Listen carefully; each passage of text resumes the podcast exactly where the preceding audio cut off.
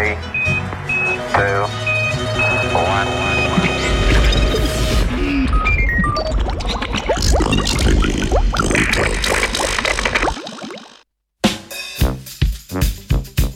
Majhne razlike, velike posledice.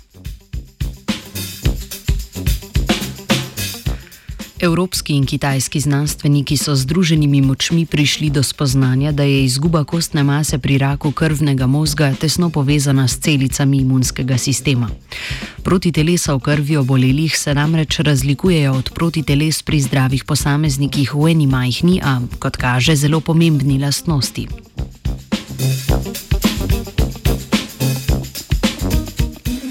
Multipli mielom je drugo ime za vrsto raka celic kostnega možga.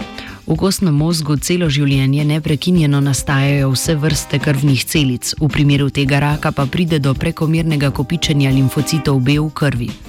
To so tiste celice, ki proizvajajo protitelesa, zato so ključnega pomena za delovanje imunskega sistema.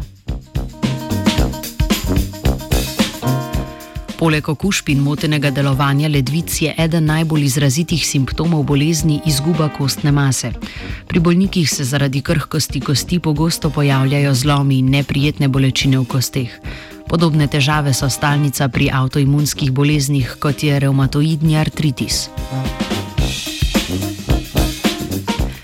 Analiza krvnih vzorcev je razkrila, da se protitelesa obolelih od protiteles zdravih posameznikov razlikujejo v stopni vezave sladkorjev. Protitelesa posameznikov, ki so zboleli za multiplim mielomom, imajo tako vezanih veliko manj molekul sladkorjev, kot sta galaktoza in sjalična kislina.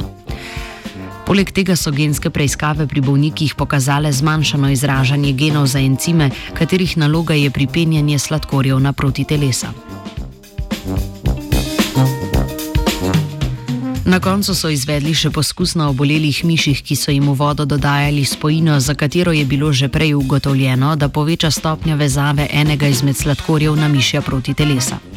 Dodatek spojine je učinkovito zmanjšal izgubo kostne mase, kar so raziskovalci in raziskovalke še dodatno potrdili z zmanjšano prisotnostjo razgradnih produktov kolagena v krvi miši.